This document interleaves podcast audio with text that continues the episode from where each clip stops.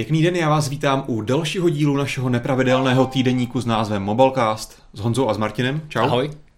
Dneska je to dokonce 120. díl, takže jsme si to hodně dlouho spořili ta témata, aby to dneska stálo opravdu za to.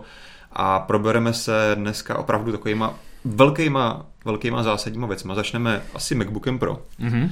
což bylo hodně docela kontroverzní téma probírané.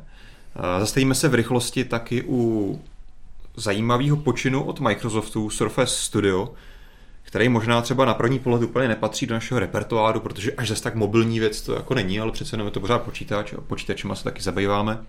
A je to a hezký počítač. Přišlo mi to, že to hlavně souvisí, protože to vlastně Microsoft a Apple měli tiskovky asi dva, dva dny od sebe jenom. Takže to byl takový zajímavý souboj o to, kdo vlastně vymysl, představí něco zajímavějšího, o čem se bude víc mluvit. To také probereme, jak to nakonec zůstalo. No a máme tady po delší době i něco na omakání. Eh, nový Xiaomi Mi Mix.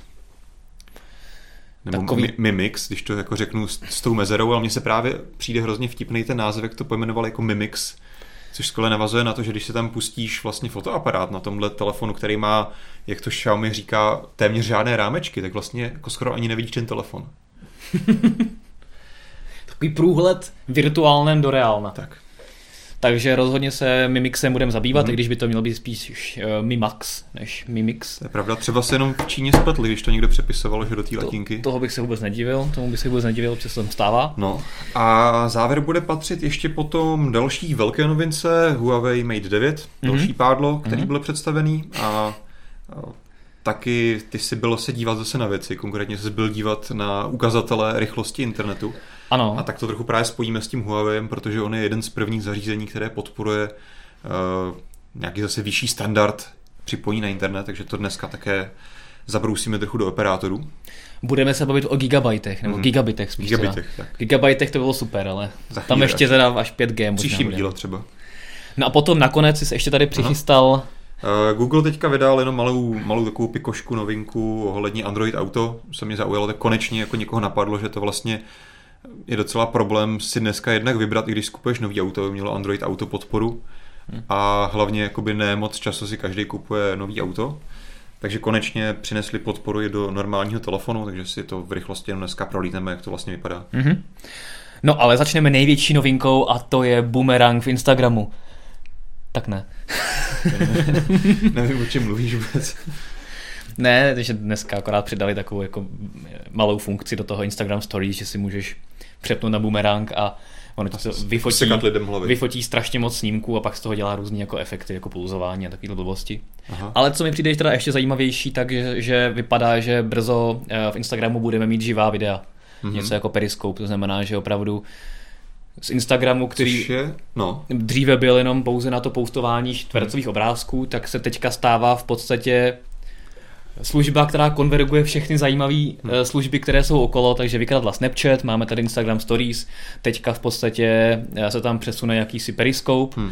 takže za mě jenom dobře, protože konečně nebudu muset na všechny tyhle ty věci používat různé aplikace, takže když se třeba do Instagramu ještě integruje Twitter, tak pak už bude jenom Facebook a Instagram a za to všechno bude no. Marka Zuckerberga a bude to všechno. Ono to samozřejmě pro perfektní. Instagram dává smysl, tím spíš jako když už z toho opravdu dělají takovýhle moloch.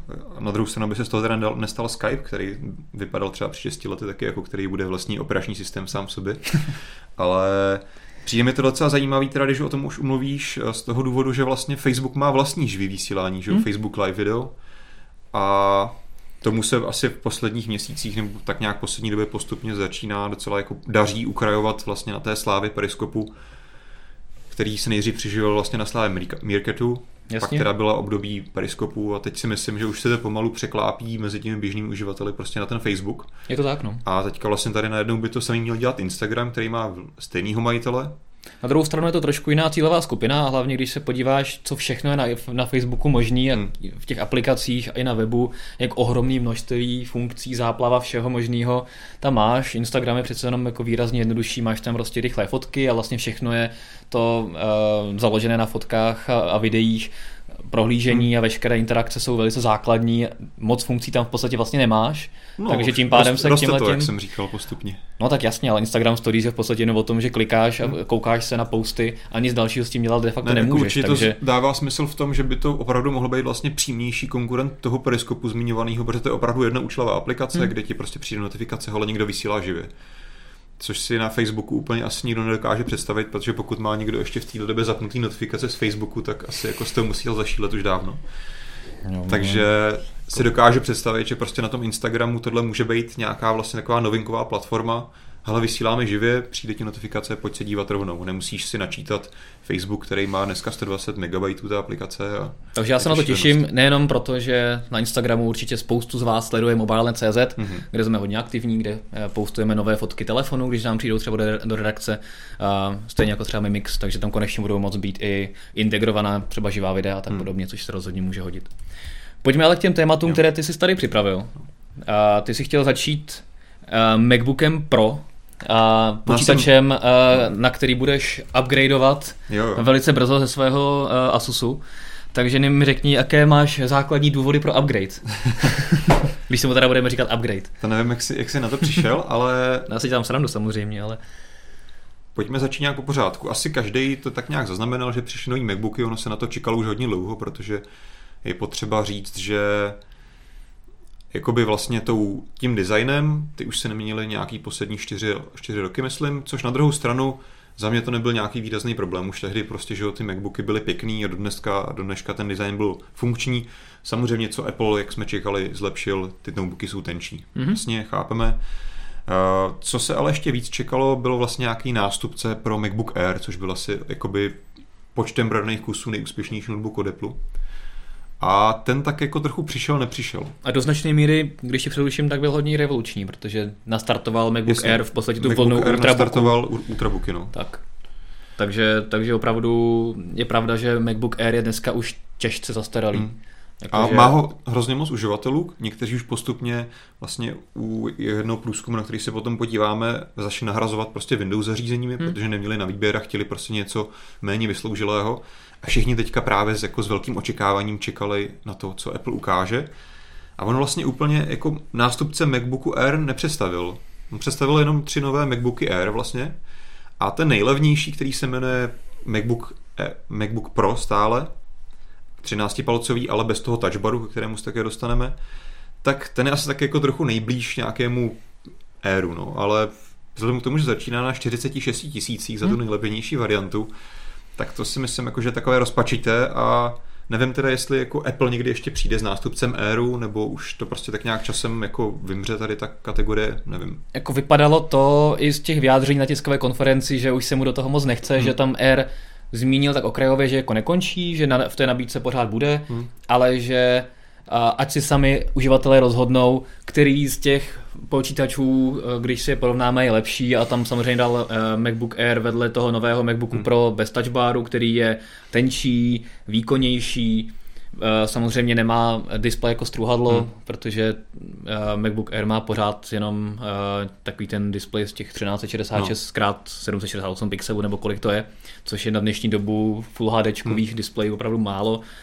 Takže ale samozřejmě ta cena toho Airu je výrazně jako níž a spoustu lidí si to kupovalo kvůli tomu, že to vypadalo velice dobře a bylo to ještě nějakým způsobem cenově přijatelné, takže to byl opravdu jeden z levnějších ultrabooků, když to takhle vezmeme a teďka už to tak není. Hmm. Na druhou stranu, na začátku vlastně ten první Air byl taky hodně drahý na to, co uměl. Jo.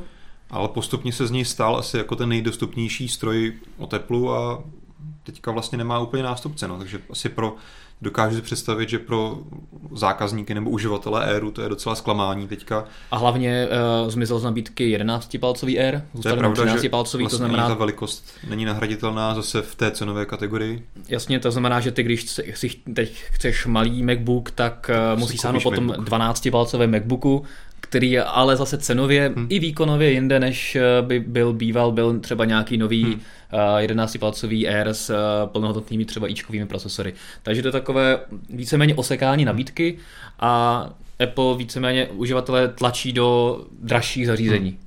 Na druhou stranu, myslím, že někdy včera nebo předevčírem se jedna analytická společnost Slice Intelligence vytasila hned s nějakým průzkumem, že se podařilo Apple hned za nějakých prvních pět dnů prodeje vlastně vydělat uh, mnohem více peněz na prodej tady těch nových, protože ještě potřeba říct, že uh, zatím se tady jediný notebook, který je dostupný, je ta nejlevnější varianta toho Pročka, bez mm-hmm. toho touchbaru. Mm-hmm.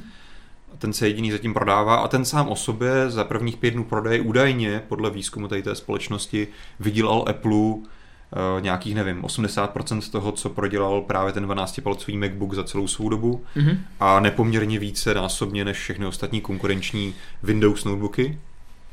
Ale bavíme se tady jednak o výdělku, takže tady je jasné, že opravdu ta marže Apple je tam vysoká. Hmm. Nebavíme se o počtu prodaných kusů. Co je taky potřeba říct, eh, když už se bavíme třeba o té marži, že také bylo vlastně drobné zklamání, ale spíše tady pro tu geekovskou část obecenstva, že třeba ty nové MacBooky, ačkoliv byly velice drahé, nebo jsou velice drahé, tak běží třeba na starém chipsetu. Je to tak, no. To, to byla vlastně jedna z věcí, kdy, kterou lidé těm novým MacBookům vytýkali nebo vytýkají, hmm. že když už teda uh, Apple představuje zařízení, za které se nechá zaplatit takové peníze, tak tam má opravdu to nejno, nejnovější, uh, což uh, v případě procesorů, které už konkurence používá, to znamená ty nové uh, Intely, uh, Kaby Lake to je, No, tak, nějak tak eh, je už používá, kdežto nově představené MacBooky Pro běží pořád ještě o generaci starších hmm. Eh, procesorech, což je škoda. Jako on ten, ten reálný rozdíl není výrazný, je to prostě v nějakých procentech zase, že v té efektivitě, ale jako je to taková věc, jako když si prostě investuješ novou, kupuješ novou věc, dáš do toho ty peníze, jak si říkal, tak lidi prostě chtějí to nejlepší. A i kvůli tomu mimochodem tam je jenom 16 GB RAM, protože hmm. kdyby tam chtěli dát více RAM, tak uh, ty ramky potom budou žrát lidově řečeno více a ta výdrž baterie by nebyla taková, jakou Apple chce, což je jedna z velkých devis hmm. a plusů každého uh, MacBooku, že ta výdrž na baterii je opravdu velice dobrá a ta optimalizace toho hardwareu s softwarem je hmm. opravdu výborná, takže tam Což zase je... těch 9-10 hodin bychom hmm. měli dosáhnout. Mělo by to být opravdu na těch deseti hodinách, což právě Phil Sherrill říkal, tím vlastně zdůvodňoval to omezení ramky.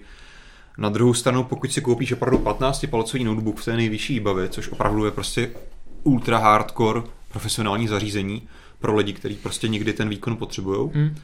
A ty najednou teďka nemáš možnost si koupit MacBook s 32 GB, jako si měl možnost doteď. Takže hmm. to si myslím, že je docela výrazný kompromis a myslím si, že kdyby lidi nějak mohli mít na výběr OK, tak já si teda koupím prostě ten nejdražší model s 32 GB RAM a teda jako vezmu na, na vědomí to, že teda budu mít o hodinu kratší výdrž nebo něco, tak si myslím, že by ty profesionály Apple přece jenom uspokojil mnohem líp, než tady tím zase tím jeho restriktivním klasickým přístupem, ale... Tak vzhledem k tomu, že ten celý MacBook Pro je tak nějak o kompromisech, vzhledem k tomu i k těm portům, že si budeš muset tam dát spoustu jako eh, redukcí, abyste Jasně. mohl používat, tak uh, zrovna tohoto je to nejmenší, teda podle mě. Každopádně, no, no co není, jako asi... pokud jsi profesionál, tak prostě ti 16 GB nemusí stačit a no. nemáš možnost si k tomu jako něco dokoupit. Jako, OK, když se narážíme na ty porty, tak asi jste všichni zaznamenali, že MacBooky si mimo jiné o nich mluvilo hlavně proto, že už 100% přišly na USB-C. Mm-hmm. Což samozřejmě teďka v nejbližších letech bude nést určité komplikace, protože budeš muset sebou nosit, kupovat spousty donglů, redukcí kablíků a nesmyslů. Na druhou stranu je to pořád tak nějak jako řešitelná věc. Ale to, že si prostě nekoupíš MacBook se 32 GB RAM, je prostě neřešitelná vlastně věc. Pokud teda nejseš nějaký ultra bastlič a jako, když teda předpokládám, že stejně ta ramka tam určitě bude napájená přímo na desce, takže tam asi nebude žádný klasický slot, hmm. že by se to mohlo rozšířit. No k těm portům mě docela zrazilo a nechápu vlastně důvod, proč teda ten nejlevnější MacBook Pro bez toho touchbaru, který je jinak jako velice podobný tomu s touchbarem, hmm. tak má o dva USB-C porty míň to je právě tak, podle mě to zase tak jako Apple právě naznačuje, hele, tohle si kupte místo toho Airu a ten měl taky jenom dvě USB. Tak to je super prostě. Nevíš, že prostě to šasy je stejný, ale nevím. Je, no. tam samozřejmě to má logiku i zase v těch nákladech, což jako neří, neříkáme, že by to Apple nemohl dovolit, ale je potřeba říct, že to nejsou jenom USB-C konektory, ale zároveň oni vlastně podporují i Thunderbolt 3. Mm-hmm což je v současné době asi takhle jako v tohohle typu nejrychlejší konektor. Myslím, že pokud teďka nekecám, tak má teoretickou přenosovou rychlost 40 gigabit. Mm-hmm. A ty vlastně potřebuješ pro každý ten jako potřebuješ tam mít víc řadičů. A teďka vlastně ty dražší MacBooky, protože mají 4 USB-C a na to mají tuším, pokud se nepletu, dva řadiče. Mm. takže vlastně ty dva, dva porty mají dohromady přenosovou rychlost 40, druhý dva porty další 40. A oni by vlastně museli do toho nejlevnějšího MacBooku dát zase dva řadiče. Oni tam prostě to vyřešili tím, že tam je teďka pravděpodobně jenom jeden. Hmm. Ta cena je totiž příliš nízká, je, na co by tam no. mohli dát. Je to, je to tak. No každopádně asi největší inovací, nebo největší, no ano, největší inovací hmm. těch nových MacBooků, kromě toho, že jsou krásné a jsou tenké, opravdu jako hodně tenké, mají přitom výbornou výdrž baterie, mají hezké displeje a hmm. tak podobně, tak je ten opivovaný touch bar. Hmm. A co si o něm myslíš? O tom dotykovém proužku, který se uh, skrývá nad klávesnicí? No samozřejmě o tom padlo spoustu názorů a já se zatím snažím být takový nevyhraněný a chci si počkat na to, až si to vyzkouším. Mm-hmm. Protože ono samozřejmě se na, nabízí spoustu jako teorií a spekulací, jestli to bude použitelný, nebo je to použitelný, jestli je to odpověď Apple na touchový uh, displeje na Windows, nebo jestli jako to Apple jednou, nebo jestli to jenom mezikrok třeba k touchovým displejům na MacBookích. Teorií je spoustu, samozřejmě teďka je hlavní otázka, jak to bude použitelný. Hmm.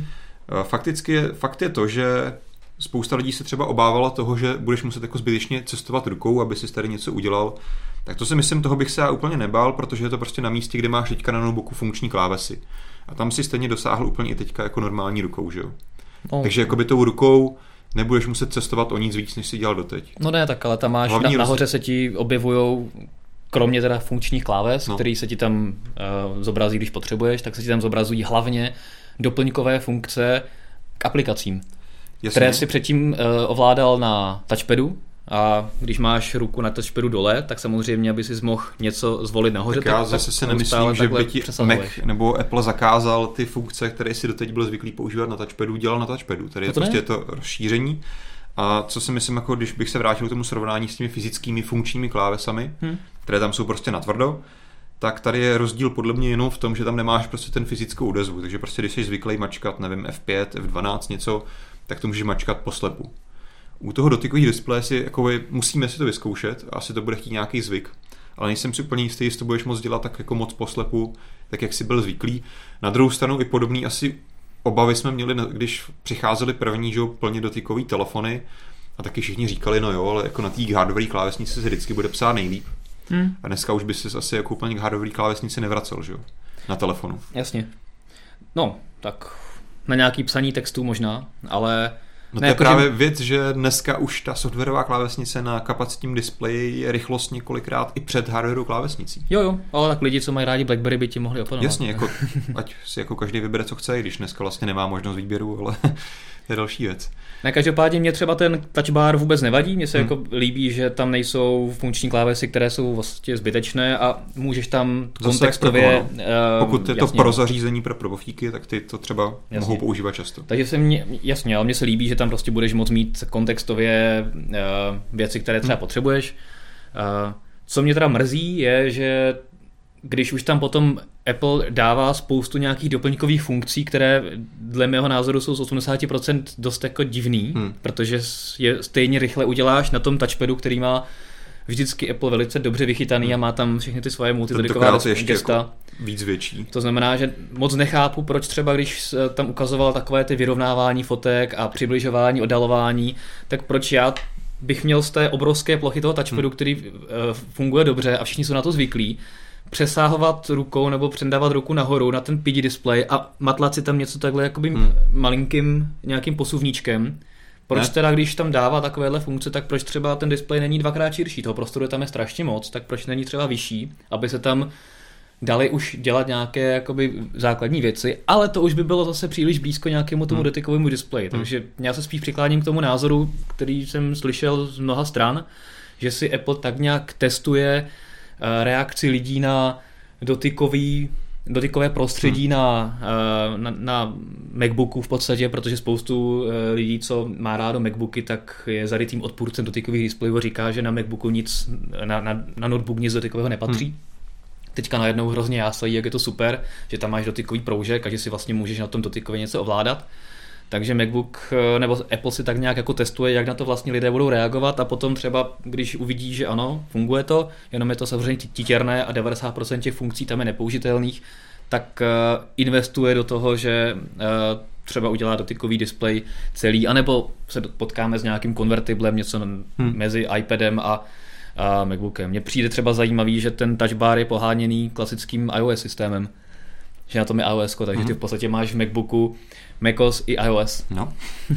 Já v tomhle s tebou částečně souhlasím, taky je to jedna z teorií, která mě napadla.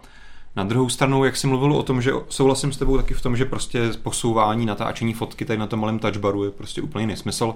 Já si myslím, že prostě Apple tam potřeboval mít něco jako na ukázku a ono prostě jako podle mě běžný populaci, když ukážeš, že si takhle jako dotykem tady na nějaký plošce zázračně manipuluješ s fotkou, tak aniž, aniž, bychom, aniž by se vlastně nad tím ty uživatelé zamýšleli, tak řeknou wow, to je fakt super. A je to víc cool věc ukázat, než že tam máš prostě tlačítko, na který zmáčkneš. No. Ale já si myslím, že právě ta skutečná, skutečný přínos toho touchbaru je právě ta kontextovost a toho, že tam prostě si budeš moct naprogramovat zástupce aplikací, speciální funkce pro ty konkrétní programy a budeš to mít vždycky po ruce. Jo. A nebudeš si muset pam, právě pamatovat nějaký klávesový zkratky, nebo si pamatovat, že v tomhle v programu F7 znamená tohle a prostě to tam uvidíš. To mi přijde, že je super jako posun. Pokud to takhle bude fungovat, že opravdu v každém programu si budeš tam moc dát úplně svoje vlastní věci, mně by třeba dávalo hrozně velký smysl, kdyby uh, tam vlastně neměl ty kontextové věci ke každému programu, hmm. ale měl bych tam jakýsi jako zástupce nejčastěji používaných věcí napříč systémem, hmm. nějak, nějaký jakoby panel zástupců, hmm.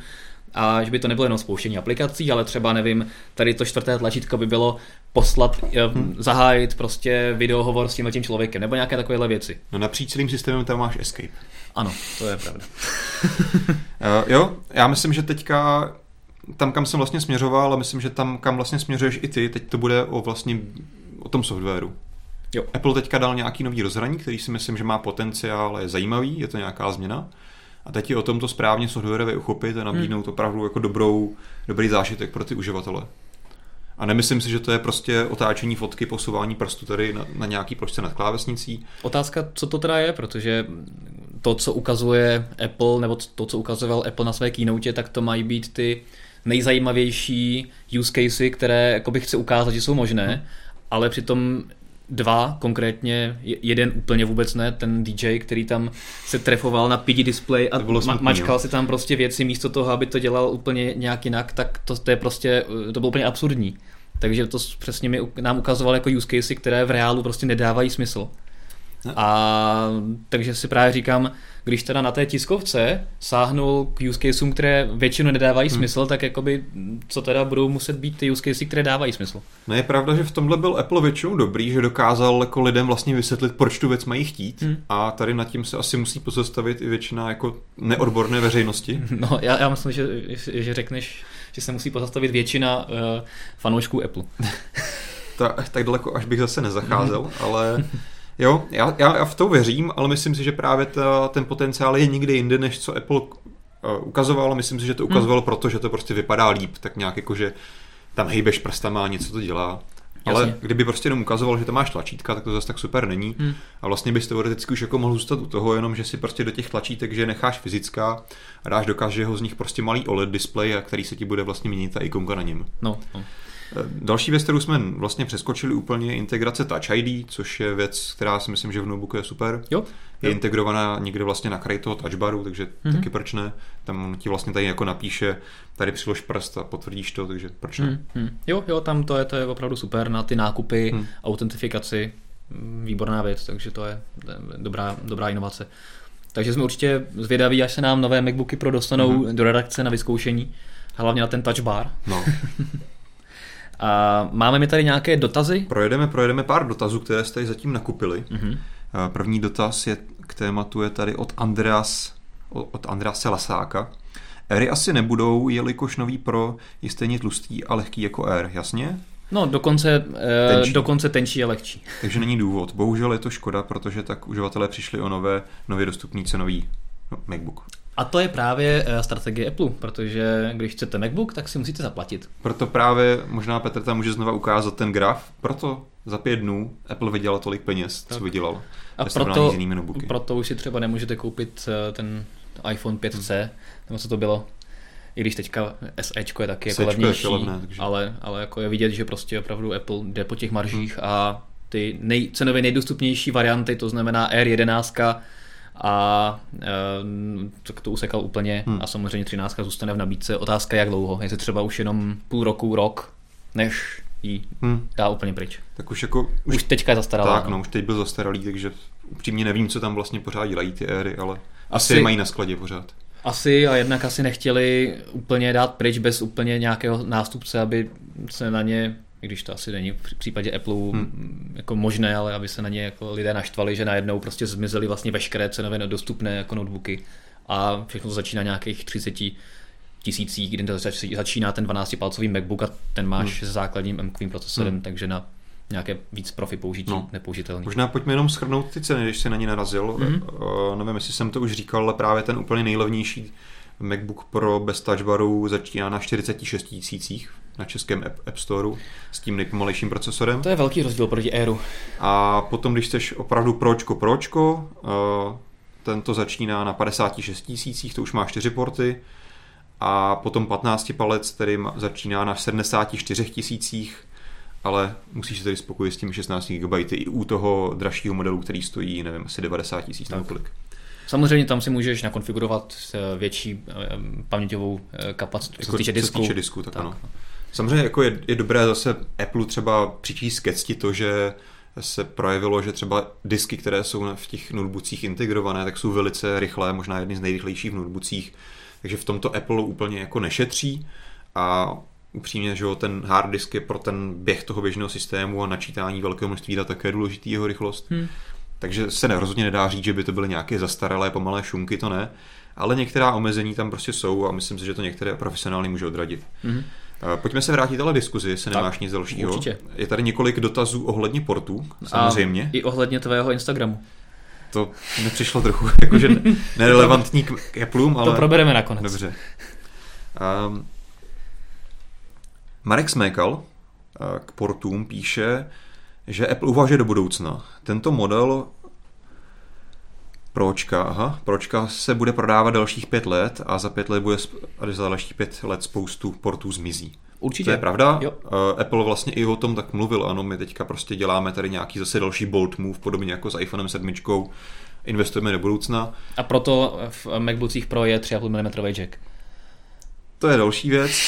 Eh, samozřejmě jako v tomhle, v tomhle další taková vlastně taková schizofrenie Apple, který jsme se mi v redakci docela bavili, nebo aspoň jako můj problém s tím byl takový, že OK, chápu, prostě Apple kouká do budoucna, už častokrát byl ten hybatelem, hybatelem změny, co se týče portů, periferií a tak dále, ať už to byly různé mechaniky a cokoliv jiného.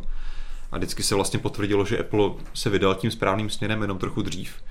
Uh, tak bych čekal, že pokud se Apple vydává tím očividným směrem, což USB-C je, rozhodně není první, je potřeba říct, tak uh, proč to nedělá zase napříč svým portfoliem? Že teďka ty si koupíš nový MacBook, který má jediný konektor USB-C, mm-hmm. a k tomu si koupíš nový iPhone 7 s Lightningem bez mm-hmm. 3,5 mm jacku. Mm-hmm. Takže aby si třeba nabil iPhone z MacBooku, tak si musíš koupit speciální kabel, který na jedné straně má USB-C, na druhý Lightning. A když chceš mít třeba jedna sluchátka, která připojíš buď k iPhone nebo k MacBooku, tak máš smůlu, pokud nejsou bezdrátová. Mm-hmm. Což už jsme myslím někdy rozebírali, že samozřejmě Bluetooth je v dnešní době ještě omezený kvalitativně, takže to není řešení pro každého. Takže v tomhle mi přišlo škoda, že když už Apple dělal hodně razantní kroky ohledně zbavování se jacku na iPhone 7, proč už prostě se rovnou nezbavil toho Lightningu, který sice má své výhody proti USB-C, ale stejně asi nikdo nemůže argumentovat nad tím, že prostě USB-C je budoucnost a ostatně i to Apple sám říká tím, že to dal do MacBooku jako jediný konektor. Tak proč prostě nemá všechno Apple teďka USB-C? Já myslím, že uživatelé Apple by to jedni ocenili. A nebo proč teda je v těch MacBookích Pro ten 3,5 mm jack, kterému se tak to jako... na, na tiskové konferenci o měsíc a půl tak jako vysmíval, že už je to jako analogový uh, konektor a dával tam takové ty staré obrázky, už je s náma 100 let a ha, ha, ha hi, hi, hi a To samozřejmě, jo. Představí nové produkty, kde ten 3,5 mm jack pořád je. Jo, ano, samozřejmě v tomhle mu ta, jako, že ta jeho prezentace trošku pokulhává, na druhou stranu bych to jako nevýhodu nebral. Jo, určitě ne. Jo. ale jako jo, no, prostě tady mi spíš vadí jako to, že se Apple nedokázal nějak v tomhle zorganizovat a pokud teda dělá ten velký switch konektorů, tak ať to udělá prostě pořádně, hmm. protože teď jako bych úplně nechtěl být uživatelem Apple, ať jako je, je já třeba jako uživatel Windows a Androidu, tak můžu Applistům hodně co závidět, co se týče propojení těch platform. Tak teďka tohle jim úplně nezávidím, teda tuhle situaci konektorů. Každopádně spíš než USB-C, hmm. to je prostě hold, to tak je, tak mě spíš mrzí, že um, tam není teda nějaké plnohodnotné HDMIčko, s tím se samozřejmě ale setkávají uh, Appleaři pořád, hmm. to je jako, co se dá dělat. a čtečka karet.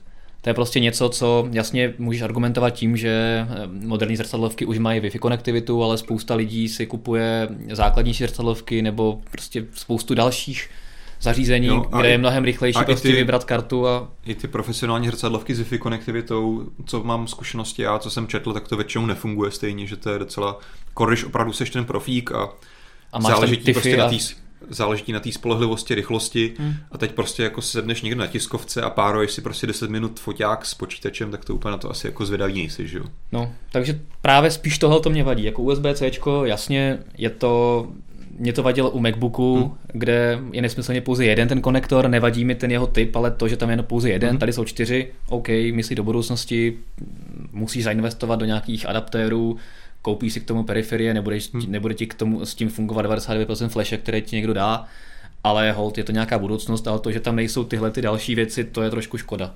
Na druhou stranu to je taky ta budoucnost, protože no, jako tam, tam to jednoduše bude směřovat, to, že jednou se těch SD karet zbavíš, jenom jednoduše ještě se si jich nezbavil teďka, zatím jasně, to možné není. Jasně, no. Zatím si prostě k tomu budeš muset koupit a tahat sebou nějaký teda tu čtečku do USB-C. Mm-hmm.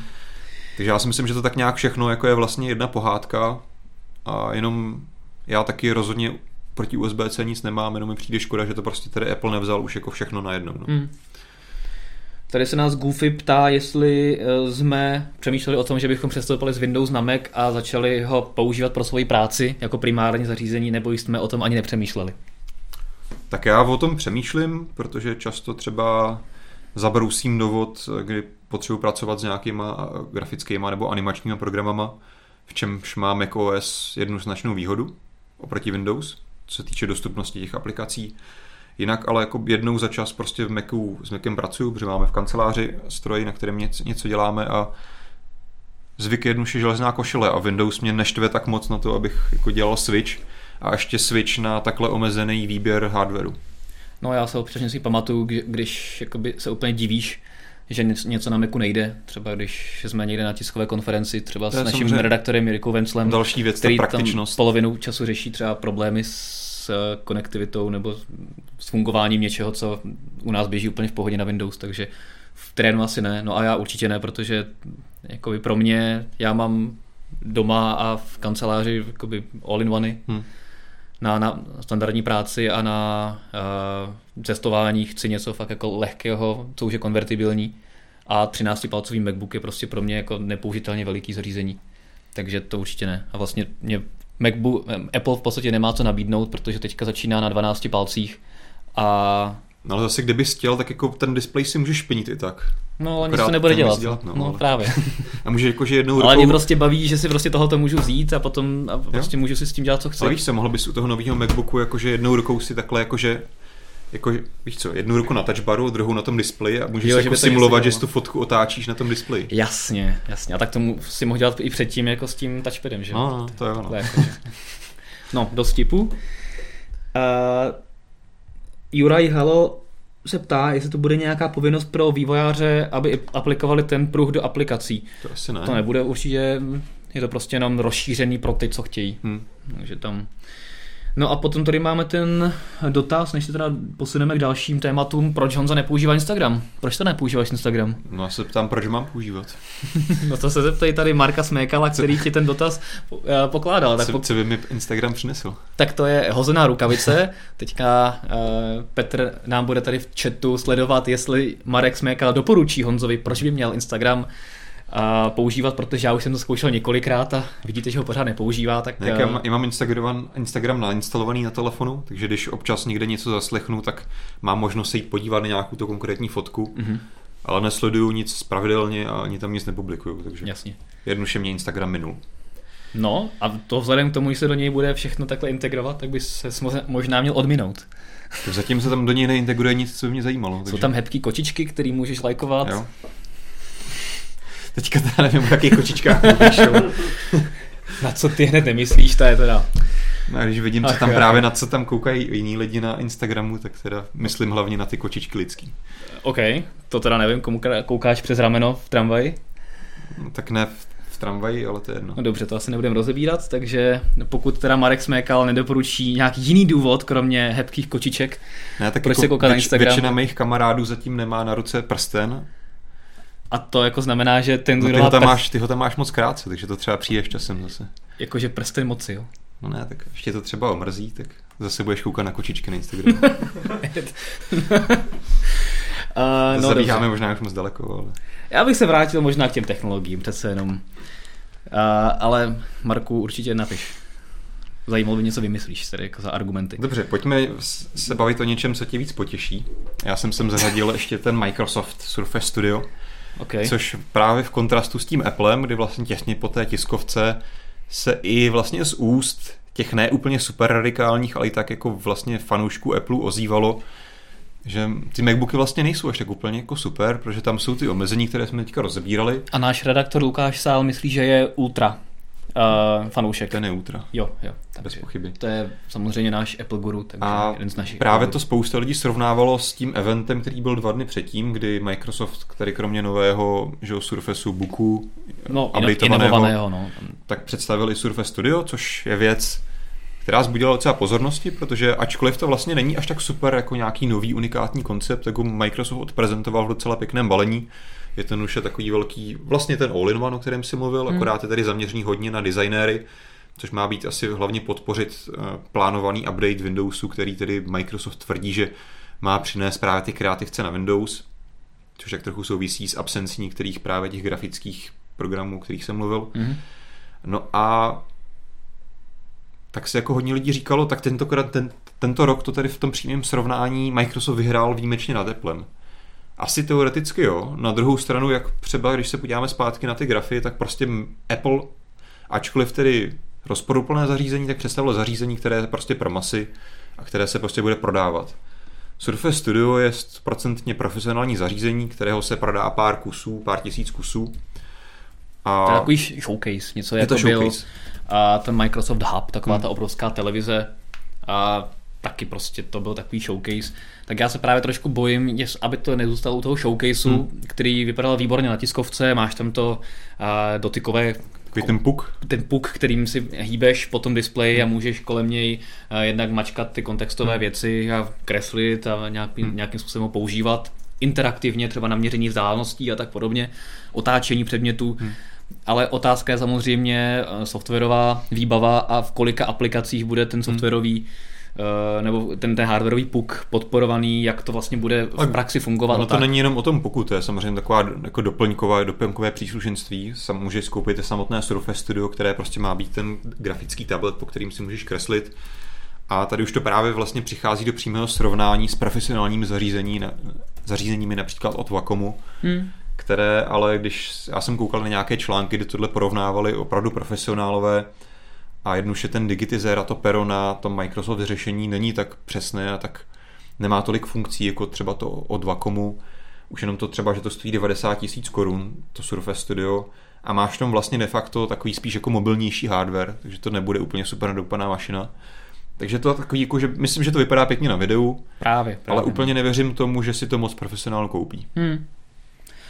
A a vlastně jediná, pokud jsme teda skončili Hmm. s tím uh, s tím Surface uh, Studiem? studiem, které zde když vypnu scénář, víš? ne, ne, nevypnu tady, který bude opravdu velice levné zařízení, Hmm. protože bude stát od 90 tisíc korun No, a skoro určitě se u nás nebude prodávat, stejně tak eh, se u nás oficiálně prodávají ty další eh, zařízení od Microsoftu, i když, když chcete, tak si třeba Surface 4 koupit můžete v nějakých e-shopech, Surface Book spíše ne a Surface Studio to bude asi hodně velká raritka. A každopádně mě teda na tiskové konferenci Microsoftu zaujaly spíš ty Mhm. brýle pro virtuální realitu, které, které oznámil eh, z několika výrobci, Eh, vlastně oznámil, že to budou vy- vyrábět výrobci jako Dell a tak podobně. Měly Mhm. by jít o celkem eh, cenově dostupné brýle pro virtuální realitu, že by měly stát pod 10 tisíc korun, což Mhm. je docela fajn.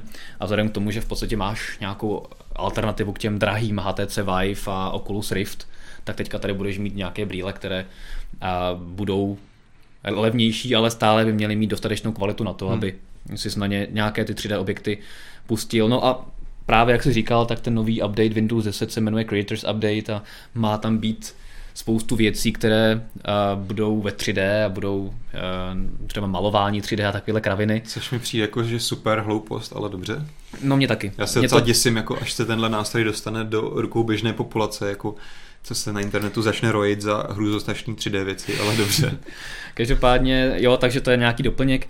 Mě trošku teda mrzí, že vlastně místo toho, aby se Microsoft zaměřil na ty problémy, hmm. které třeba Windows mají, a od, úplně odstranění prostě věcí, které tam přetrvávají věky hmm. nebo dlouho už, ať se konečně zbaví těch ovládacích panelů, nebo hmm. zapracuje na propojení všeho možného. No, ovládací panely, ať mi tam nechají, to je jediný jako no dobře, tak směr, ať se, ať se jako dostanu k tomu, co chci. Tak ať se rozhodnou, co tam nechat a, a spoustu dalších takovýchhle věcí jo, jo, funkčních, eh, nebo aby se opravdu zaměřili na to, aby ty vestavené aplikace tam byly, aby konečně spoustu aplikací si nemusel stahovat všude možně a dostali se konečně do toho storu, až teďka s obrovským spožděním vlastně konečně představili ten nástroj pro uh, konverzi klasických instalátorů hmm. do uh, Microsoft Storeu a tak podobně, takže tam je spoustu věcí, na které by se Microsoft mohl zaměřit, ale tohoto věc vypadá líp.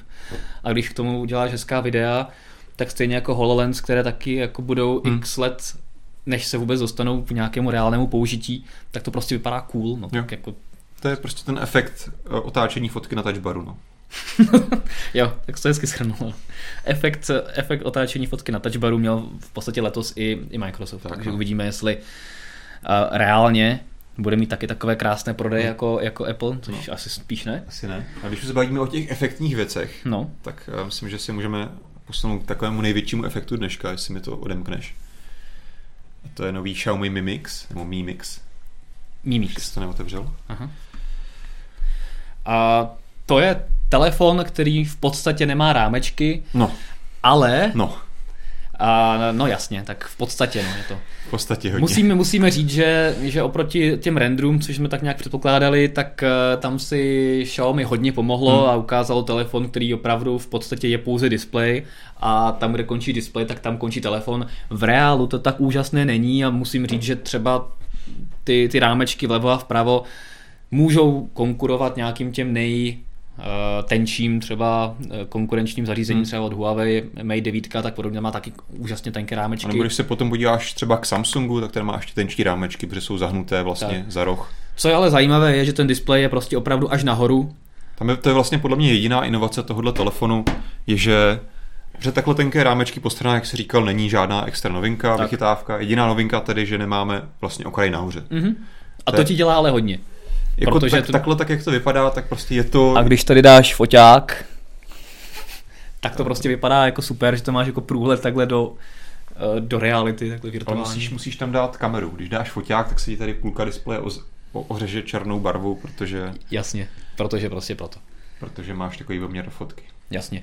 Každopádně spoustu lidí, co to vidělo opravdu i z jako profesionálů, tak říkají, že to je opravdu nádherné, nádherná inovace, nádherný telefon, Nádherně jste lesknou ty otisky. Přesně mm. tak, úplně to krásná zadní lesklá strana keramická, na které se uchytávají otisky prstů. Přece jenom o něco méně než třeba na skle, ale pořád je to hrozný. Ale pojďme se zaměřit na tu první stranu, no. na tu přední stranu teda, kde je prostě opravdu displej až nahoru. Uh, Mně to přijde super, a je hrozná škoda, že s tím přichází Xiaomi vlastně teďka jako jediný výrobce po dvou letech, po tom, co já jsem, já jsem se to hledal a byl, jsou to, teďka to budou dva roky, co já jsem si zkoušel na CESu ten první Sharp Aquos mm. Crystal, což byl no to v podstatě stejně, telefon vlastně. úplně stejný, akorát byl výrazně menší. To byl hmm. kompaktní telefon a taky měl displej až nahoru. Hmm. A a dole měl prostě nějaký širší pásek. Já musím super, říct, jako... když jsem poprvé viděl, když na Twitteru jsme to tweetovali, tak Xiaomi velice chytře vlastně vydalo fotku, jednu z těch fotek, že tam to zařízení bylo, bylo takhle a ta fotka tady byla uřízla. Takže já jsem si myslel, ty oni fakt udělali prostě telefon, který nemá ten velký rámeček ani dole, ale pak se jako podíval na ty skutečné fotky a už no, tady on prostě... Ho, on ho dole nemá moc velký, i dole jako je fakt ne, jako, ale, podprůměr, jako ale výrazně tam, podprůměrný. Je tam, tam pořád. Musíš někam se... dát foťáček a tak. Jasně, ale opravdu ten foťáček je až dole vpravo, dole a tady ještě je spoustu volného prostoru, kam mohli ten displej protáhnout, takže je co zlepšovat. Hmm. Co mi na tom přijde zajímavý, spoustu lidí se ptá, kde je teda sluchátko. Zkoušel jsi telefonovat Zkoušel jsem telefonovat.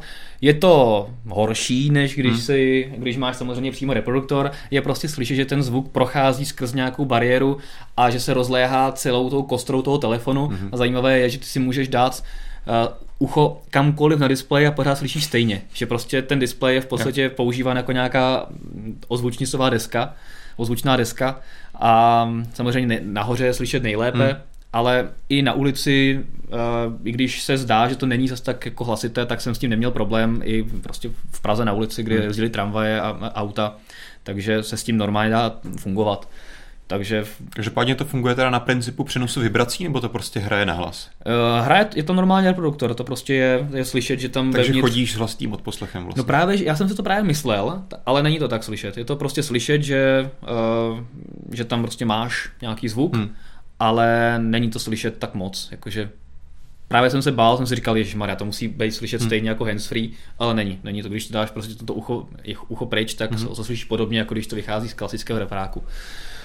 Takže na tom prostě dneska jsme to eh, právě s Martinem Prokopem porovnávali s iPhonem 7 Plus, který má na výšku tak totožné rozměry, hmm. na šířku je malinko samozřejmě užší hmm. iPhone, tady to je širší, ale prostě ten rozdíl, že tady je 6,4 palcový Aha. displej a na iPhone 7 Plus máš 5,5 palcový hmm. displej a ty telefony jsou v podstatě stejně velké, hmm. to je prostě obrovský rozdíl. Je to obrovský rozdíl. Na druhou stranu, co jsem si třeba dneska uvědomil, když jsem právě koukal na tuhle srovnávací fotku, že tohle je všechno hrozně super. Hrozně se mi líbí třeba ten malinký detail, že v těch rozích máš ten, i ten jo, displej jo. trošičku jako za, za takový jakože zahnutý. To vy bohužel tady nevidíte, ale je to fakt hrozně hezký touch, že v podstatě ten displej tím zahnutím kopíruje hrany eh, samotného vlastně toho těla. v tom prostředí to... Xiaomi se to i hodí, že graficky. Mm-hmm. Ale na druhou, druhá strana je věc vlastně ergonomie celý tady toho zařízení, protože kromě toho, že to je prostě obrovský displej, obrovský zařízení samo o sobě, tak ještě tím, že máš vlastně takhle relativně ostrý hrany proti třeba zařízení jako je iPhone, tak to, to se prostě, ačkoliv je třeba podobně velký, jak jsi říkal, tak se ten telefon bude jednoznačně držet takhle v ruce pohodlnějíc, protože ti prostě nebude tady do ruky řezat tady ten roh, ten prostě ten, to chytíš do ruky pohodlnějíc trošku, že jo. Tady trošku jako prostě hmm. Jakože mě se drží doslova v pohodě, jakože má ty hrany zakřivené, takže... No mě jde o ten roh prostě dole, že jo? Jo, takhle. Hmm, nevím, nějak... Hodně, hodně lidí se ptá na to, jak se vlastně v praxi ovládá kvůli těch, těm tenkým rámečkům, jestli si jako ne, nemačkáš to, co nechceš, No ono vzhledem k tomu, že vlastně po stranách ty rámečky nejsou nějak jako no. extrémně tenké, tak vůbec s tím není žádný problém. Prostě vůbec při ovládání jsem nezaznamenal jakýkoliv nechtěný dotyk nebo něco podobného. Ovládám, ten telefon používám dneska, jsem ho používal vlastně celý den jako primární, volal jsem z něj, používal jsem ho na, na maily, na všechno a úplně v pohodě.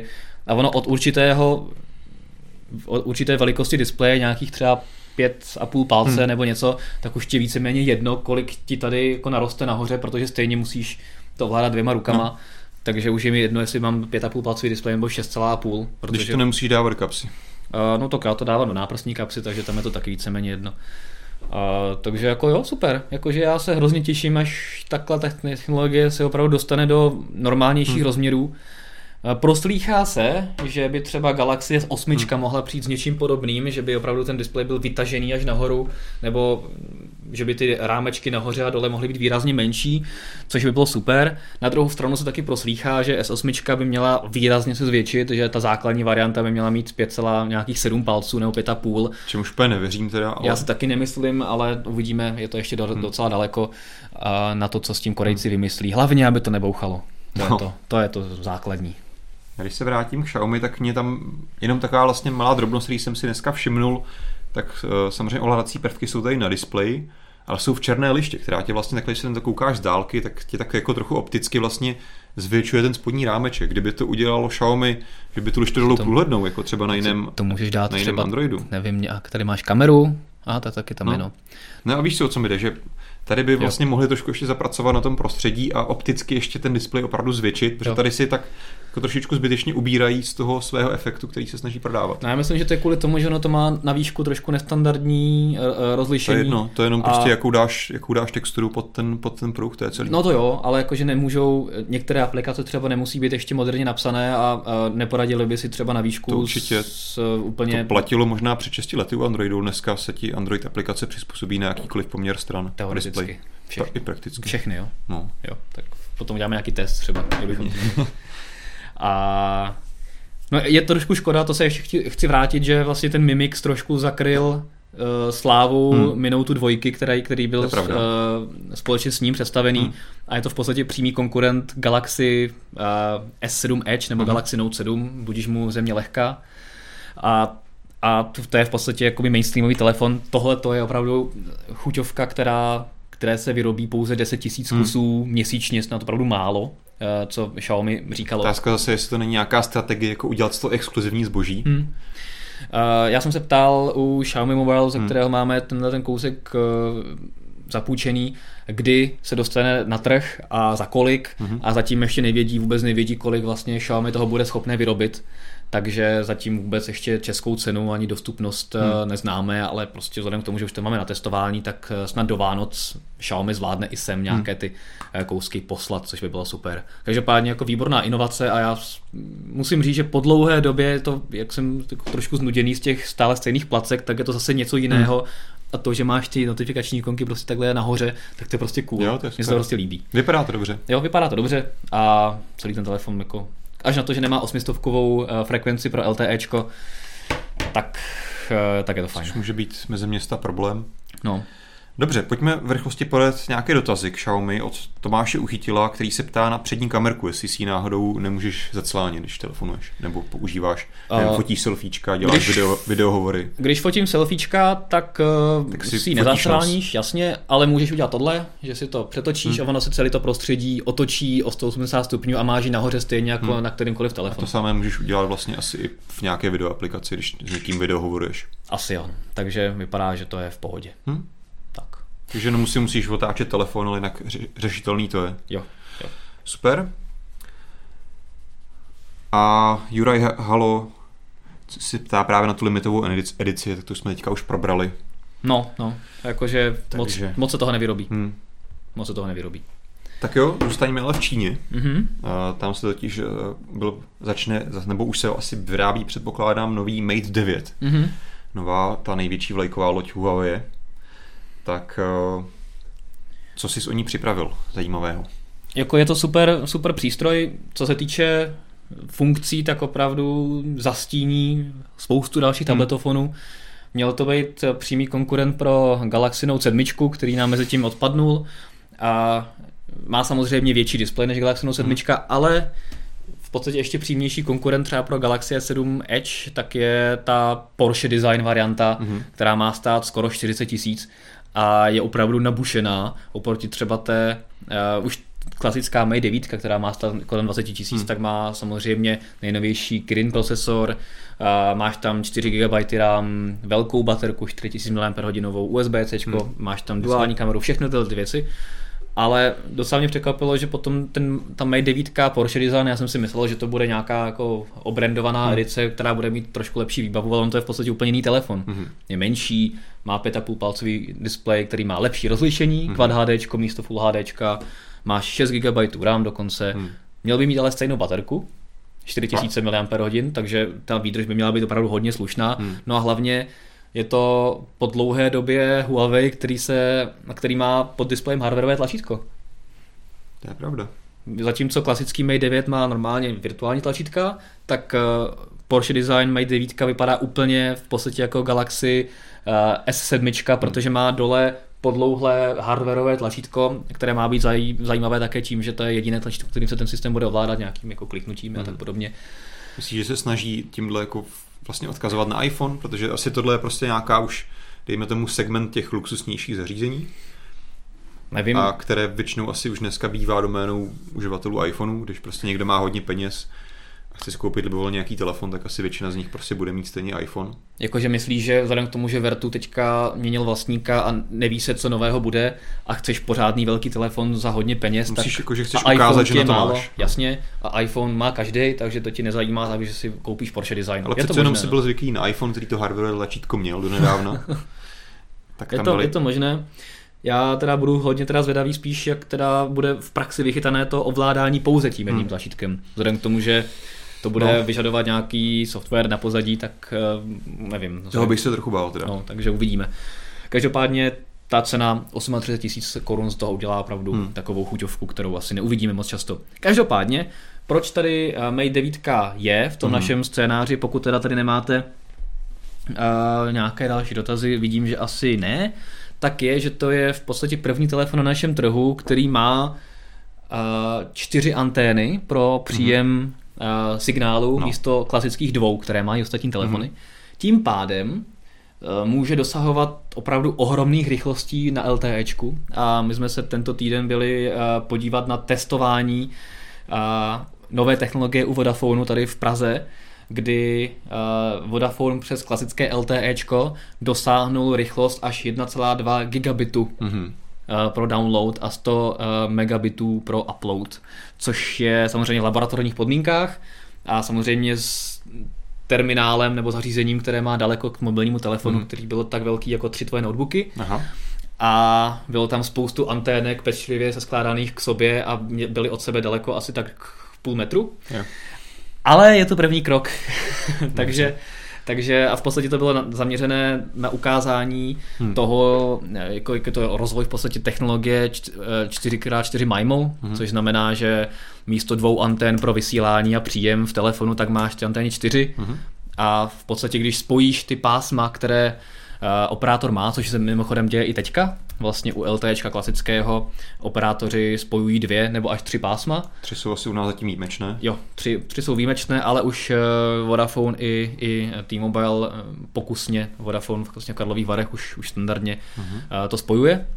Samozřejmě musíš mít telefon, který to podporuje, takže třeba opravdu jenom nejnovější Galaxy 7, iPhone 7 plus pár telefonů podporuje LTE kategorie 910, mm-hmm. které vyžadují právě to, umí takovouhle rychlost až 450 megabitů za vteřinu. Mm-hmm.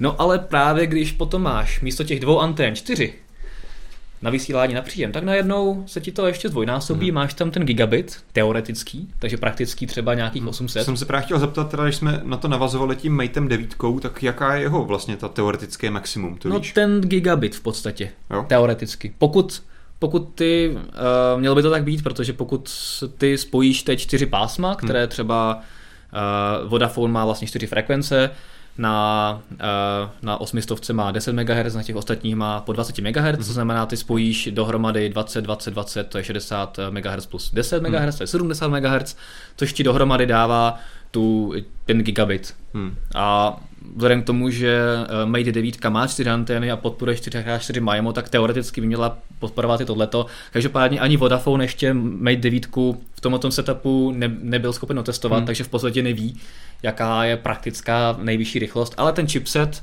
a ten Kirin 960, to myslím, že je, já tomu říkám Kikirin, ale Kikirin, no. Kikirin 960, tak už to podporuje a to, ten telefon sám by měl mít čtyři antény. Hmm. No a právě nějakou uh, rozdílnou modulací, kterou Vodafone právě teďka ukazoval, že místo uh, 6 bitů v tom paketu tam dáváš rovnou 8, tak vlastně si zvýšíš z gigabitu na 1,4 hmm. gigabitu a reálně 1,2 zhruba. Hmm.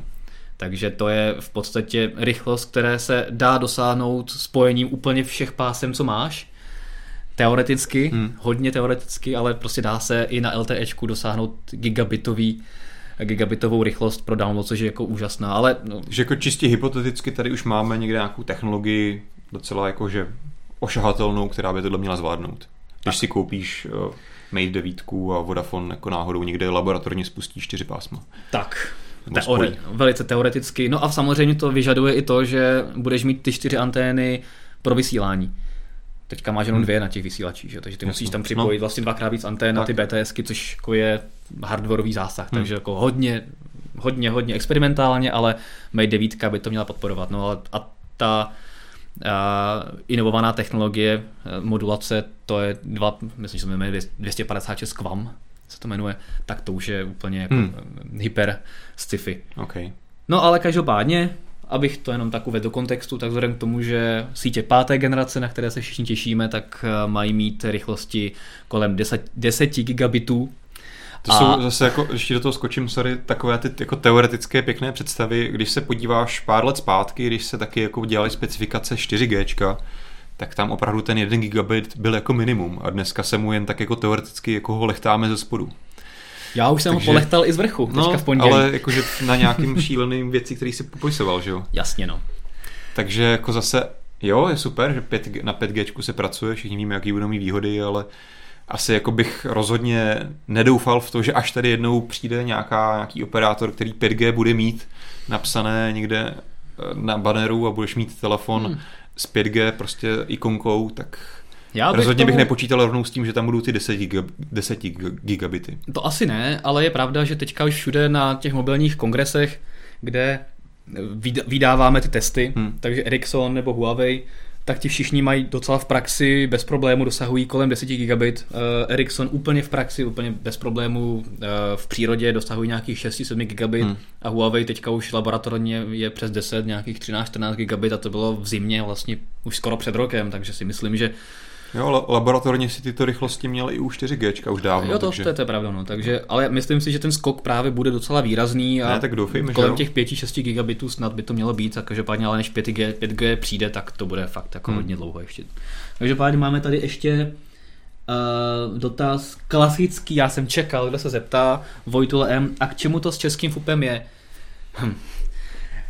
Rychlost připojení nemá nic společného s tím, jak rychle vyčerpáš FUP, když stahuješ nebo děláš to samý. To no. znamená, no. když si chceš stáhnout nebo Při přehrát... použití ne. Ano, ale když si chceš stáhnout uh, podívat se na jedno konkrétní YouTube video, tak jestli se na něm dívám na Edge a čekám půl hodiny, než se mi načte, anebo se mi načte za vteřinu na LTEčku, tak přinesu pořád stejných 50 MB dat a je to úplně to samé. Na druhou stranu jako s vyšší dostupnou rychlostí jako stoupá chuť spotřebovávat další obsah. To je pravda. Takže... Na druhou stranu, jakože spoustu lidí jako říká, tím jako neobhajuju hmm. český fupy, jsou samozřejmě nízký a určitě by se mi líbilo mít víc než 5 GB, hmm. který momentálně mám, a, což je asi víc, než má většina lidí.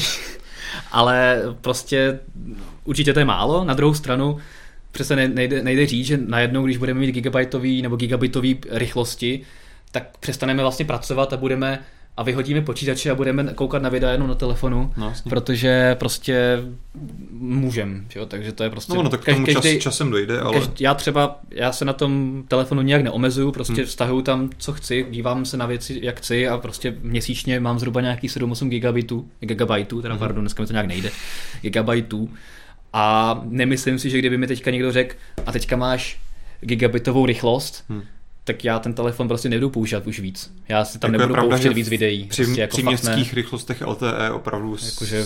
je to víc rychlé vlastně, než potřebuješ běžně. Uh, Co no. si myslím, že ale jako tohle je jasný, takový vysvětlení, ale co si myslím, že pro, proč vlastně se tady budují nějaké nové sítě, nové vyšší rychlosti, je právě kapacita té sítě, protože to není, to o čem se bavíme, není, i když teoretická, tak to není prostě rychlost pro tento tvoje konkrétní zařízení, ale to je vlastně maximální potenciální rychlost celého toho vysílače, na který mm-hmm. se připravují třeba stovky, stovky zařízení. Je to tak, no. Takže ten jeden nějaký teoretický gigabit, který teďka Vodafone testoval, až to jednou třeba nasadí do praxe, tak ten jeden gigabit se bude muset rozložit v té Praze třeba mezi těch tisíc mobilů, které se na ně připojí. Takže hmm. potom už to opravdu nebude gigabit pro každého, hmm. ale bude to zase prostě nějakých něco menšího. Jasně. Na druhou stranu právě čím vlastně vyšší maximální rychlost máš, tak tím rychleji obsloužíš jednotlivé požadavky jednotlivých lidí, protože ten soubor, které, který by ti jinak blokoval to dané spojení Jasně. prostě třeba minutu, tak tady máš obsloužený hmm. třeba za dvě, tři vteřiny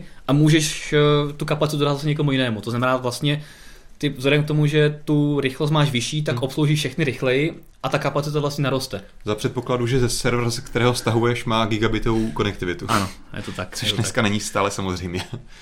Každopádně teďka jsem si vlastně vzpomněl ještě na jednu věc, kterou uh, je to trošku v pozadí, není to tak jako sexy téma, hmm. jako gigabitová rychlost na LTEčku, ale Vodafone nám tam ukazoval i standard pro uh, uh, internet věcí, pro síť pro internet věcí přes LTEčko, hmm. uh, která se docela dlouho standardizovala přes uh, 3GSM, uh, GSMA uh, standard, proto to trvalo díl než nějaký, nějaké další sítě. Hmm třeba ten Sigfox a tak podobně.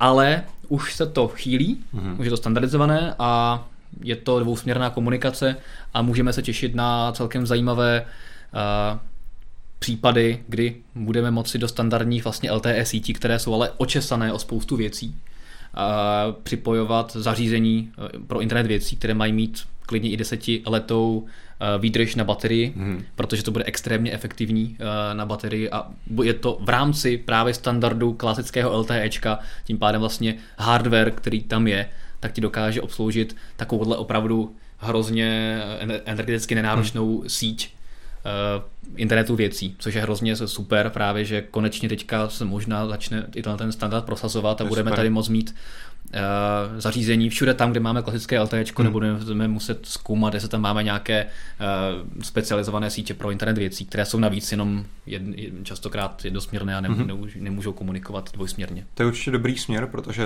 nejenom jako vlastně, co je důležité, je ta přenosová rychlost, ale přesně ta efektivita a spotřeba hmm. při připojení na takové sítě, takže to je určitě dobrý.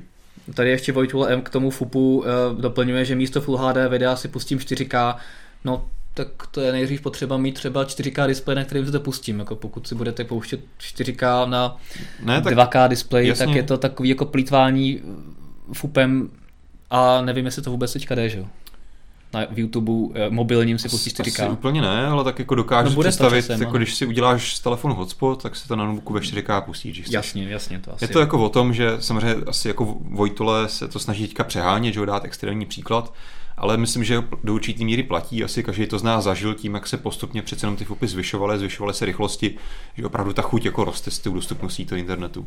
Takže samozřejmě to jako neplatí absolutně, že když máš hmm. gigabit, tak ho prostě vyfrkáš jako za dvě minuty ale jako s tou dostupností a příjemností té služby se ti prostě se mnohem jakoby rychlejc a víc častěji spolíháš na ty mobilní připojení, než si byl třeba zvyklý dřív. Je to pravda. Teďka třeba, když jdu na vesnici, tak si třeba stáhnu i zprávy, no. e-mail a tak podobně, což předtím na Edge skoro nebylo možné. Tak, no, vidíš to. a potom tady ještě od All Mobile dotaz, jestli Mate 9 podporuje Wi-Fi 4x, i u Wi-Fi 4x4 MIMO. To nevím a myslím si, že spíš ne, ale hmm. to musíme ověřit. To my jsme zjišťovali to LTEčko a bohužel, protože po dlouhé době Huawei nezval na představení Mateu žádné české novináře, hmm. tak jsme si ještě ten telefon nemohli ani osahat, takže zatím vlastně Mate 9 jsme viděli jenom z rychlíku na hmm. obrázcích stejně jako vy, takže zatím nevíme. Hmm. No a tady je potom Juraj Halo eh, dotaz, eh, než se dostaneme dál teda, jaký vliv bude mít eh, rychlý přenos na baterii telefonu. Nebude to náročnější na energii? No, je otázka samozřejmě, jak eh, se s tím ta baterie vypořádá. Na druhou stranu, teďka, když si srovnáš eh, LTEčko a 3Gčko, hmm. tak tam ten rozdíl v podstatě už není. A jakoby pokud, tam... pokud si celý den na 3Gčku nebo na LTEčku a děláš ty samé věci, tak uh, de facto pokud bychom to vzali absolutně, tak na LTE, tak LTE je úspornější, protože ty věci tam uděláš dřív a ten displej můžeš zhasnout dřív. O tom takže, mluvil, no. takže v podstatě... No to není jenom o displeji, ale právě i o té obsluže nebo době vytížení té sítě. Tak, tak, takže v podstatě vzhledem k tomu, že když je to připojení pomalejší, tak ten telefon musí s tím vysílačem komunikovat delší dobu a vyčerpává se delší dobu, tak u toho LTE je to samozřejmě rychleji hotové, takže tady prostě pokud budete stahovat to samý, to, to samé, tak v podstatě teoreticky to bude stejně nebo, me, nebo úspornější. Na druhou stranu, přesně jak tady říkal Vojtule M, tak eh, častokrát to bude svádět k stahování a využívání náročnějších eh, věcí, videí, hmm. hudby ve vyšším bitrateu, což se samozřejmě podepisuje na procesoru, no, výpočetním výkonu. Pokud třeba nás teďka právě na LTE sleduje živě náš cast mobilecastu, tak vlastně to LTE musíš vytěžovat konstantně a ne, vlastně netěžíš z toho, že máš vyšší, vyšší rychlost přenosovou. U toho v, tomhle, v tomhle případě vlastně bys na to trochu víc trpěl, než třeba při tom, že si stáhneš přílohu mailu. Jasně. No, otázka tyhle ty vysoké rychlosti v podstatě jsou jenom o tom, že tam máš, eh, ta technologie je stejná, ale máš tam dvakrát víc antén, takže hmm. asi samozřejmě ta spotřeba bude vyšší, ale uvidíme v praxi. No. Jo. No a ty se chtěl ještě na konci podívat na Android Auto na mobilu. Mě to přišlo zajímavý. Ty to tady máš připravené jako demo. Můžeme můžem si to i ukázat při tom, co o tom budeme mluvit, tak na televizi, jestli to bude fungovat. Uh, já musím říct, že jsem si Android Auto oblíbil. Mm-hmm. Uh, vlastně v mnoha autech, které testujeme v rámci F-Driveu i MobileNetu v rámci seriálu Auta a mobily, tak v podstatě se k nám v posledním roce dostávají auta, které většinou umí buď obojí Apple CarPlay nebo Android Auto, mm-hmm. anebo alespoň Apple CarPlay. Apple CarPlay je eh, rozšířenější a třeba Porsche Android Auto nechce do svých aut vůbec pouštět, protože mu přijde nebezpečné. Takže tam má jenom Apple CarPlay, stejně tak u některých vozů Mercedes si nepropojíš eh, Android Auto, hmm. ale do spousty aut eh, už si tam můžeš nakonfigurovat, opravdu zaškrtneš co vlastně chceš a, a On your way home, there's the usual traffic. You might want to take the route via Malasica since it's slightly faster. Vidíš? takže ti to říká, že bys měl jet eh, trošku jinak, no tady to je vždycky zacpaný, to je blbý, no. To je prostě, takže jedeš. Takže ti přímo Google takhle rovnou vyrušil z toho, o čem jsi mluvil. Ale já už jsem to měl víceméně Jo. dokončené. Každopádně, a ty tady teďka ukazuješ, jak vypadá prostředí. Teďka právě co je ta novinka, doteď jak jsi mluvil o tom, vyjmenovával, které auto to neumějí a proč a tak, tak teďka je konečně oni přistoupili k tomu, že si prostě spoustu lidí dneska má jako hold nějaký držák stejně pro ten mobil v autě. Mhm. A teďka konečně můžeš, pokud to teda ten, ta tvoje automobilka nebo tvoje auto nepodporuje, tak si prostě ten displej uděláš z toho telefonu. Kor, když si koupíš takovýhle pádlo se 6 palcovým displejem, tak to je kolikrát větší než nějaký displej v autě. Jasně. A můžeš vlastně použít displej toho telefonu, ale samozřejmě hmm. pořád si ten, ten telefon můžeš přes kabel nebo přes Bluetooth propojit s telefonem, takže si skrz reproduktory auta, což už dneska umí snad každý auto pouštět hudbu, telefonovat, takové základní věci. Ale tady to zajímavé prostředí zjednodušený můžeš používat na tom telefonu. Takže takhle to vypadá vlastně tohle domácí obrazovka. Já nevím, jestli to bude vypadat líp, když to možná otáčím na šířku, což bude asi takový běžnější. Takže tady klasický koncept, kdy tady máš vlastně nějaký aktuální věci, Mě docela teda překvapuje, že ten design je dost jiný oproti tomu, co je Android Auto na klasickým, Hmm. hmm. na normálně jako na autě, že prostě tady jsou takové zvláštní karty takhle oblé, což vlastně nikde jinde ani Google nepoužívá, vždycky máš ty karty klasicky čtvercové, Hmm. tady vidíme na jednou úplně jiný design a vypadá to celé dost jinak Mě než to, Android Auto. mě to připomnělo Migo třeba. Ano, no, to je pravda. Takže možná třeba tady máme nějakou předzvěst toho, jak budou vypadat karty Hmm. v nějaké další verzi Androidu, nevím. Každopádně to vypadá to dost jinak, než Hmm. hmm. jak to vypadá eh, na tom Android Auto, když to připojíš k tomu autu. Hmm. Těžko říct, jestli třeba tohoto designu se dočkáme i v té eh, aplikaci, když to připojíš do toho Hmm. auta. Každopádně ty jsi to teda zkoušel nějakým způsobem víc. Teďka jenom v rychlosti, takže tady třeba vidíme prostě nějaké aktuální věci a ve stylu ala Google Now, takže nahoře mám tady třeba widget z hudby, protože jsem si pouštěl hudbu. Mám tady třeba zprávu z Telegramu, takže buď si to můžu otevřít, předpokládám. No to ti, Aha, tak teďka můžu na to odpovídat. to si jenom přehraješ hlasově, to nemůžeš číst. Mhm. A mám tady samozřejmě navigace, poslední hovory a tak dále a tak dále. Mhm. Jasný. Here's the. Piotr Wojciech, Uri Halo AKYVPLYV Bud Matok Reichly Vzhledem k tomu, že to má Honza v angličtině, tak eh, tady je krásně vidět, jak jako je to vlastně k ničemu, protože ti to nepřečte českou zprávu. Ale v češtině by to mělo fungovat bez problémů. V češtině by to mělo Je fungovat. tady bez samozřejmě dostupný vždycky i mikrofonek pro hlasový povoly. Zase v angličtině, protože mám telefon v angličtině. Jasně. No a hlavní tady dole, asi to nevím, jestli to uvidíte, tak to zkusím otočit. Ale tady vlastně jsou hlavní zástupci, takže klasicky navigace, kterou jsem pouštěl už předtím. Tam jste si mohli všimnout, že tam fungovalo automaticky, že mě to vlastně teďka, protože už ví Google, že je docela pozdě večer, takže mě automaticky hned nabídl navigaci domů. Fakt. Řekl mi o tom, že mám jet nějakou jinou trasou, ale samozřejmě můžu teďka hlasově se navigovat kamkoliv jinam. Mám tady telefonní aplikaci, samozřejmě s možností vytáčet číslo a potom hudební aplikaci. Tady se zase můžu vybrat, já tam mám Google Play, nevím, proč mi nabízí teda Telegram jako hudební aplikaci.